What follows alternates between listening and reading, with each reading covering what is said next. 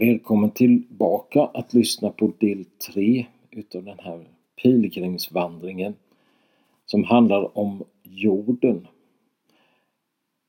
Och vi använder ju bibeltexten ifrån Markus 4 där Jesus undervisar om kring sådden och skörden. Och vad som händer med ett frö och var det sås. Nu har vi ju kommit till fröet och planteringen. Jag vet inte om du tog fram ett frö eller något annat man kan plantera i jorden sen förra andakten.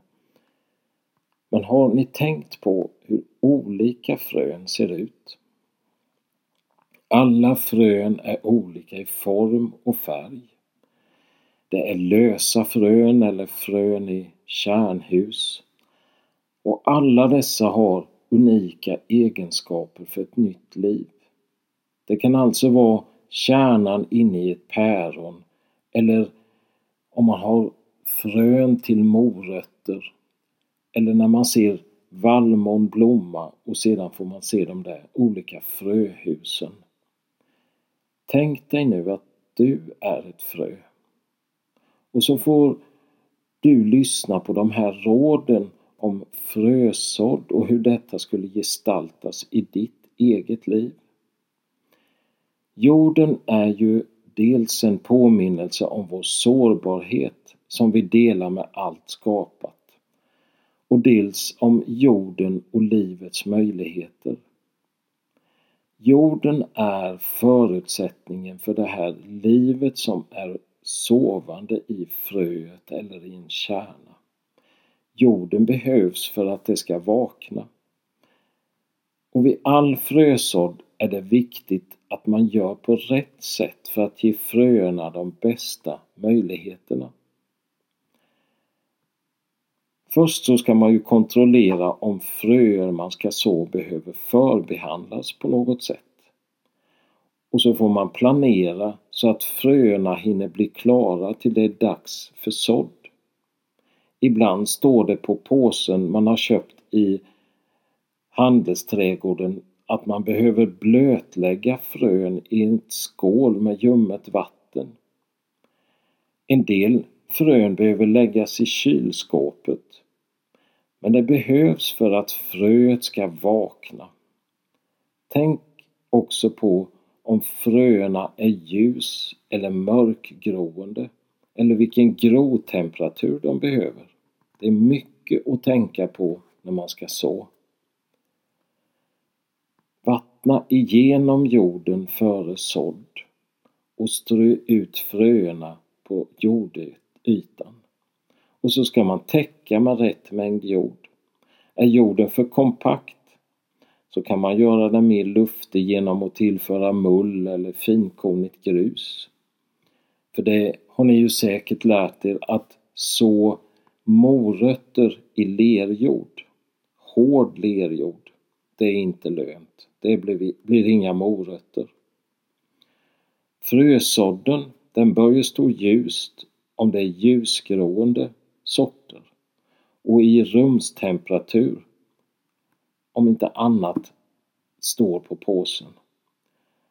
Och så kan man använda extra belysning och så kan man släcka den där lampan på natten natten eftersom de där små plantorna de behöver också en dygnsvila.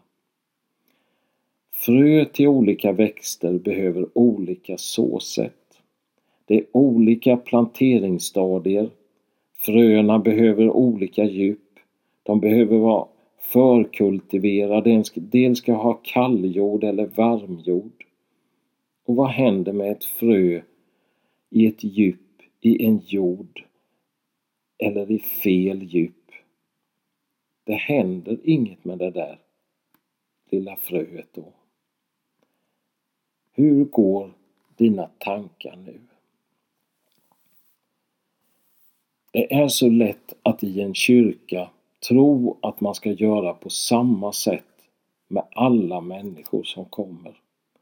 Men för mig är alla som kommer till en kyrka som olika frön som behöver planteras i olika jord som behöver olika tid på sig för att bli de där fröna som ska vakna till liv. I Hesekiel 17 och 5 står det Sedan tog han en planta som växte i landet och satte den i fruktbar jord. Som en strandväxt satte han den vid ett flödande vattendrag. Och i psalm 139 Du skapade mina inälvor, du vävde mig i moderlivet.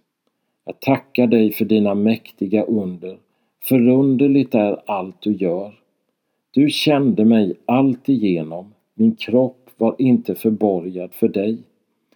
När jag formades i det fördolda, när jag flätade samman i jordens djup. Du såg mig innan jag föddes. I din bok var de redan skrivna, de dagar som hade formats innan någon av dem hade grytt.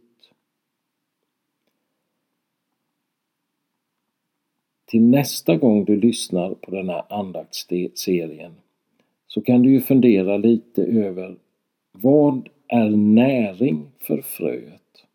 Vad behöver det för näring? Och så kan du lägga över det till ditt eget liv. Vad behöver du för näring? Vad behöver du för jord att sås i? Vi ber tillsammans. Jesus Kristus, mitt hjärtas kära Herre. Hur kommer det sig att jag är så fast vid världen? Den har ideligen vållat mig arbete och ofta oro, ibland bitter sorg och grämelse. Den går mig snart ur händerna. Det är oförnuft att mitt hjärta hänger fast vid världen. Herre Jesus, hos dig har jag ju mycket större skatter som gör mig rik, också om den världsliga lyckan sviker. Idag har jag den allra käraste och den bästa vän som blir mig nådig och trogen även om människorna glömmer bort mig. Herre Jesus, gör mig fri från världen och uppfylld av dig och salig av dig. Amen.